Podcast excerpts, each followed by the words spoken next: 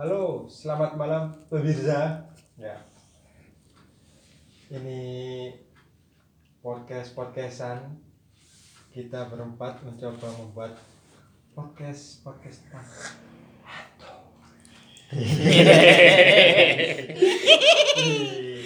di sebuah rumah kontrakan di salah satu daerah di Jawa Timur.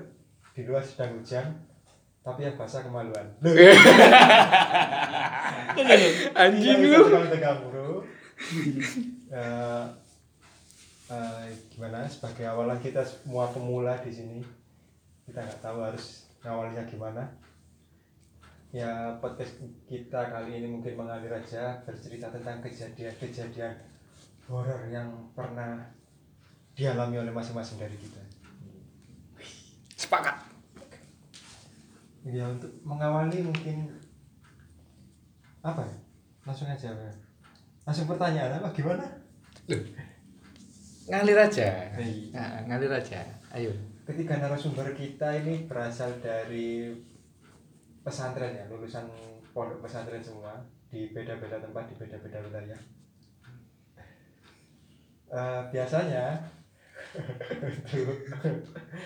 untuk eh, untuk kehidupan di daerah pesantren kan kebanyakan nggak jauh dari kegiatan-kegiatan yang Spiritual. spiritual karena Kalau biasanya teman-teman itu virtual gitu. Oh, virtual, Iya. bukan spiritual, spiritual. Iya, gimana? Kita langsung tanyakan aja kepada masing-masing apa ini? Narasumber. Narasumber. Iya. Narasumber.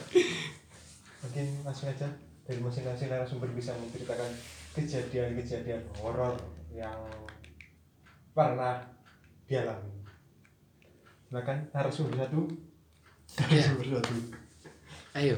Ini saya itu dulu waktu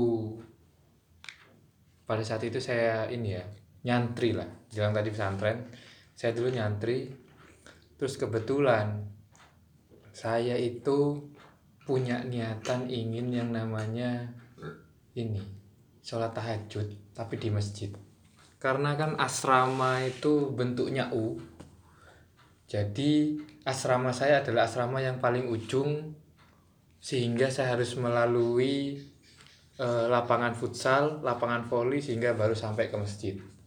Nah, waktu itu saya masih agak-agak sedikit takut ketika lewat lorong kamar-kamar. Nah, ketika ingin lewat lorong kamar-kamar, kita harus melewati yaitu huruf U depan kamar-kamar. Dan biasanya jam setengah satu, jam satu itu sudah gelap karena peraturan di pesantren itu dulu jam 10 sudah harus matikan lampu. Jadi hanya tinggal lampu-lampu depan saja. Lampu-lampu kam- lampu-lampu kamar di masing-masing kamar sudah harus mati.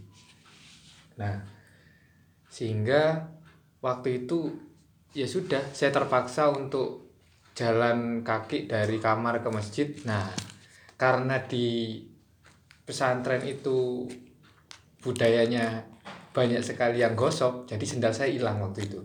Jadi saya terpaksa untuk Menakutkan Ini. sekali sandal hilang itu. Pak. Sehingga saya jalan tanpa alas kaki ke ini ke masjid. Nah, ketika saya melewati nah di antara lapangan futsal dan lapangan voli itu ada pohon cemara kalau nggak salah. Burung kutilang berbunyi. Aduh. Nah, di pohon cemara itu ya kar- karena eh, apa asrama saya itu dekat pantai, jadi ketika jam dini hari itu malam-malam jam setengah satu itu sudah angin sudah mulai kencang. Nah, jadi saya jalan jalan. Nah sudah dekat di pohon cemara itu ternyata apa ya kayak badan itu gak enak gitu loh. Suasana itu kayak gak enak gitu loh. Kayak ada yang lihat cuma mau lihat ke belakang mikir-mikir gitu kan. Tapi saya ngerasa itu di atas pohon itu ada sesuatu cuma tak lirik tak lihat nggak ada apa-apa gitu tak beranikan lihat itu nggak ada apa-apa. Ya udah wis. Jalan aja. Jalan karena saya nggak pakai alas ya. Nggak pakai nggak pakai alas kaki. Jadi saya harus tempat apa saya ke tempat wudhu. Nah tempat wudhu itu eh, di kamar mandi itu kayak ada orang. Tapi kok apa namanya ya kebetulan kamar mandinya itu jejer banyak. Kayaknya kalau nggak salah itu di belakang itu 20 kamar mandi di depan itu ada kalau nggak salah 18 kamar mandi. Nah di situ gelap cuma lampu depannya saja. Nah saya udu seperti ada orang gitu loh. Nah bunyi-bunyi air netes ke keran itu kerasa gitu suasananya nggak enak. Karena saya rasa di situ itu nggak sendirian. Nah wis aku wis gak ngurus ya. Wis pokoknya aku udu udu aku. Udu. Tapi pas wa- waktu udu itu saya ngerasa itu nggak enak gitu di sekitar saya ini ada sesuatu yang apa memantau saya gitu. Jadi ya wis opo iki kok gak, gak enak banget ngono lho. Ya wis lah. Udah setelah wudhu saya jalan ke masjid nah ketika saya sudah nyampe masjid ternyata di masjid itu sudah ada anak-anak yang tidur di masjid juga. Ya mungkin eh, ngerasa panas di kamar sehingga lebih nyaman tidur di masjid. Nah ketika saya tidur di masjid eh, ini saya ini deket apa jalan dekat mimbar yang ngelihat-lihat gitu kan. Biasanya di dekat mimbar itu karena ada cermin. Jadi saya ini meskipun gelap-gelap saya lihat-lihat cermin aja kebiasaan saya waktu itu di- gitu. Karena emang cermin yang paling besar itu dekat mimbar dulu di di pesantren saya. Nah setelah itu ngerasa eh, kanan kiri sudah nyaman ya sudah. Waktu itu saya coba sholat. Saya sholat itu karena eh, sholat saya sekaligus saya juga murojaah ya waktu itu. Murojaah hafalan. Saya sholat saya saya apa suara saya saya coba kencangkan sedikit karena nggak ada yang dengar kan saya coba kencangkan sedikit.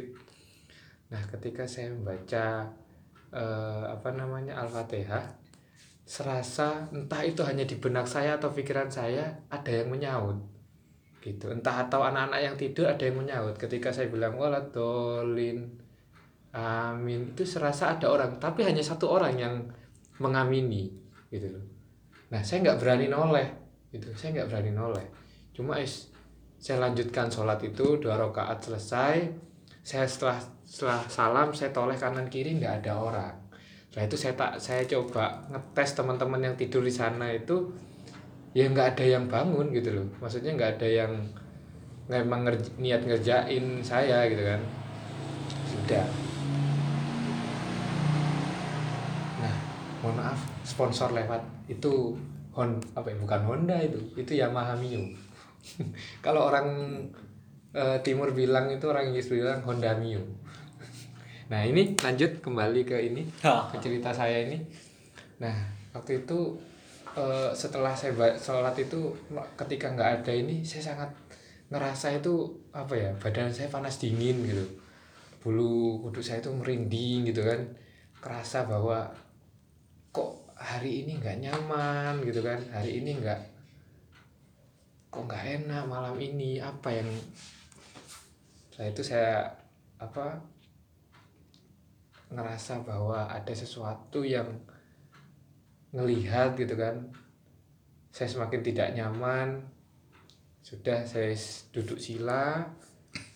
Saya apa membaca ya wis apa ya sing pokoknya kadung keweden itu kan ibaratnya eh, membaca sing wis diapal ngono lho. dihafal Heeh, wis mbuh iku maca apa ngono kan.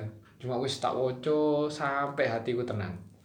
Setelah hatiku tenang apa tapi di benak apa ya di kepala itu serasa ada satu sosok eh, di ketika di kepala itu ya yang terbayang adalah ketika aku baca doa dan aku eh, fokus di pohon cemara itu itu ada perempuan yang jubahnya itu panjang dia tinggi dia panjang sampai ke apa panjang jubahnya ke bawah. Dan itu apa ya wajahnya datar sampai seperti nggak ada wajahnya loh datar loh wajahnya itu. Tanpa ekspresi gitu.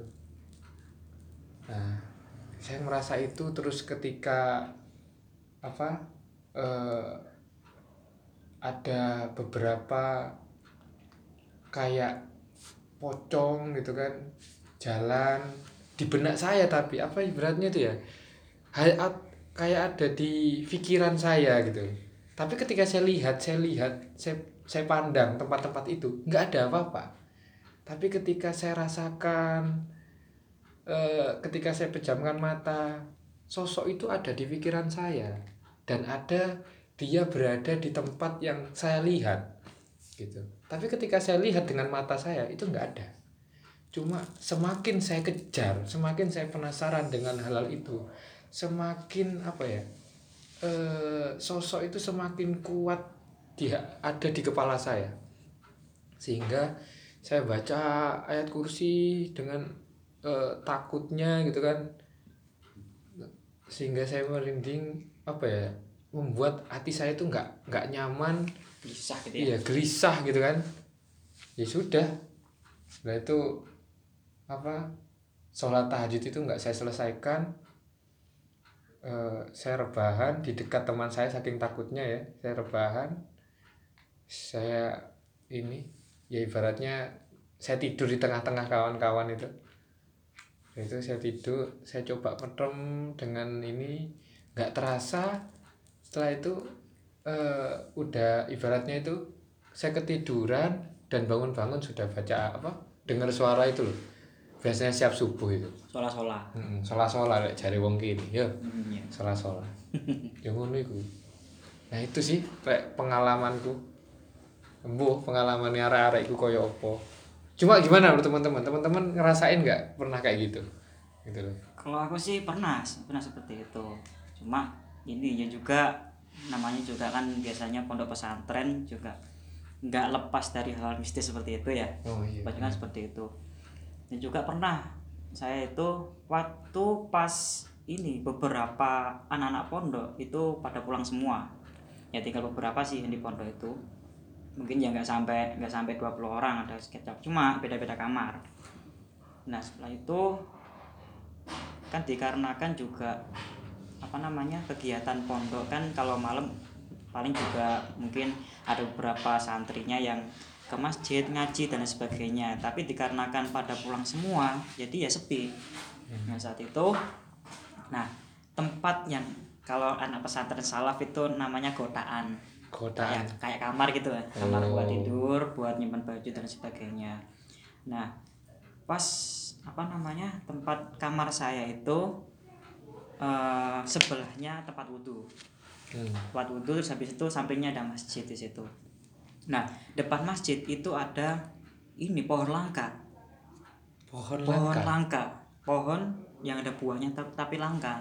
Nggak ada apa di beberapa tempat itu nggak ada. Namanya pohon mertega. Pohon mertega. mertega? Iya mertega itu. Hmm. nah di situ juga katanya konon katanya santri-santri ter- terdahulu itu bilang bahwasanya di situ ada penunggunya. Hmm. cuma kan ya saya ini kan katakannya juga aslinya cuek kayak hal-hal seperti itu. Oke lah di situ karena sepi keadaan sepi ya waktu katanya sekitar pukul setengah duaan kalau nggak salah dulu itu saya sama teman saya itu bangun ya ini kat, eh, apa namanya ngaji terus habis itu pengen sholat bareng juga kan udah janjian awalnya sebelum itu. Terus setelah itu padahal saya masih di ini masih di kamar. Terus teman saya udah udah ini udah di tempat itu duluan. Nah pas waktu itu pas ini lampu juga mati. Lampu mati karena juga pondok salaf jadi ya apa adanya kan biasanya itu. Kayak apa namanya eh, gayungnya ala kadarnya seperti itu. Waktu kencing dulu ke kamar mandi habis itu lampu mati. Terus dia kan ini nyari nyari gayung itu nggak ada. Terus manggil namaku. Terus katanya juga ini ada orang datang tapi nggak ngomong sama sekali. Sambil ngasihin gayung dikira tuh saya gitu. Pas kepegang tangannya rasanya dingin banget tangannya itu kata teman saya. Ini terus habis itu ya udah kan nggak nggak tahu temanku. Jadi ya ini apa namanya coba-coba aja. Terus habis itu bilang oh makasih ya udah ng- ngasih gayung tadi. Saya bingung loh kapan aku ngasih gayung? Padahal aku masih di kamar siap-siap dan sebagainya. Ya temanku tuh rasa ketakutan loh tadi siapa kalau gitu? Padahal yang bangun cuma berdua atau yang lain udah tidur. Itu itu. Udah eh, nggak berdebat lama-lama yaudah ayo ke masjid kalau gitu. Itu masjid. Setelah beberapa apa namanya ada ya temanku ngaji saya sholat gantian. Saya sholat terus temanku ngaji. Itu habis itu tetap dibahas lagi terus tadi yang ngasih siapa gitu. Loh aku bilang yuk karo aku. Aku kan cik neng kamar seperti itu. Nah terus dari situ temanku udah ngerasain hal-hal yang aneh. Katakanlah juga saya juga ngerasain eh, aura atau apa mungkin suhu daerah sekitar itu udah nggak kayak biasa lagi. Jadi agak panas-panas gimana gitu. Setelah itu kita ke kotaan ke kamarnya. Nah di kamar itu ada tiga orang terus sampingnya kamar saya itu juga ada kamar cuma kosong kebetulan kosong. Itu oke lah yang bangun masih aku sama temanku yang satu udah tidur. Setelah itu kamar di kosong yang kosong ini. Apa namanya eh, tombol lampu itu ada yang mainin. Cetek cetek cetek cetek kayak gitu. Pula balik. Setelah dicek nggak ada orang. Terus balik lagi. Cetek cetek cetek cetek itu lagi. Hampir sampai tiga kali kayak gitu kalau nggak salah itu. Tiga kali cek. Udah udah merinding kan teman-teman udah merinding. Habis itu oke aku sama temen "Wah, baca baca apa yang istilahnya dipercayai? Ayat kursi al-fatihah dan lain sebagainya kayak itu terus diam udah nggak suara lagi. Habis itu gang beberapa menit terdengar suara pintu yang buka. Pintu kamar sebelah itu. Ngek. Kayak kayak dimainin gitu. Ngek. Ngek. Setelah dicek nggak ada apa-apa. Terus lagi ngek ngek ngek. Ya udah kalau namanya anak kecil ya dulu ya. Kalau takut langsung gerombol ke pojok gerombol kayak peluk-pelukan gitu gerombol nah setelah itu temanku tiba-tiba itu kan pintu kamarku itu agak rusak ya ada bolong-bolongnya gitu. Melihat ada tiga anak kecil tiga anak kecil itu yang ngintip lewat pintu ngintip gitu ngintip bolak balik gitu. Ya temanku langsung es teriak teriak. Habis itu ini sampai bayainya itu datang sampai datang terus bilang bahwasanya gini gini gini. Bilang kalau ada cerita dari A sampai Z tadi cerita kalau tigaku gini gini gini. Terus Bayi bilang oh nggak apa-apa itu pengen kenalan aja seperti itu bilangnya. Ya itu sih untuk awal cerita horor yang aku lam- alami seperti itu. Nah, itu ini ya apa kisah yang kita alami ya berdua ya. Mungkin eh, itu aja dulu ya Hmm, untuk dulu sih. yang kita sharingkan ke kawan-kawan. Karena next kita akan banyak cerita lagi kisah-kisah yang akan kita sharingkan ke kawan-kawan semua. Oke yang pernah kita alami dan membuat apa ya eh, gelisah ya kan Mm-mm. gelisah di pikiran gitu kadang juga ke bawah mimpi kadang juga yang ada yang apa membuat eh, kita takut untuk melakukan hal-hal yang yang apa ya karena kepada waktu kejadian kita apa ya sangat takut sekali gitu kan. takut jadi nggak konsen pikiran ke mana-mana seperti itu ya mungkin untuk kawan-kawan semua yang dengarkan atau mungkin ngelihat video ini alangkah lebih baiknya eh, apa ya lebih ini lagi sih lebih dekat lagi dengan Tuhan gitu kan dengan Tuhan yang Maha Esa bahwa semua itu ciptaan Tuhan Iya. gitu kan. Semua kalau kata orang Jawa itu urip itu sesandingan. Oh sesandingan gitu. Iya, ya. maaf saya bukan orang sesandingan. Jawa. Oh iya. Iya. Saya orang luar pulau ya jauh ya pokoknya. Jauh jauh nah jadi memang ya benar sesandingan itu nantilah kita akan lebih dalam lagi ceritanya untuk terkait yang eh, lebih dalam lagi lebih menakutkan lagi apa ya dan ada dari yang cerita-cerita menakutkan itu ada cerita-cerita yang lucu sih sebenarnya ya kan ya? iya. Ya, mungkin itu dulu ya. Ini Ya, dulu sekian kita dari sekian kita. dari kita. Kurang lebihnya mohon maaf. Selamat malam selamat tidur kawan-kawan dah.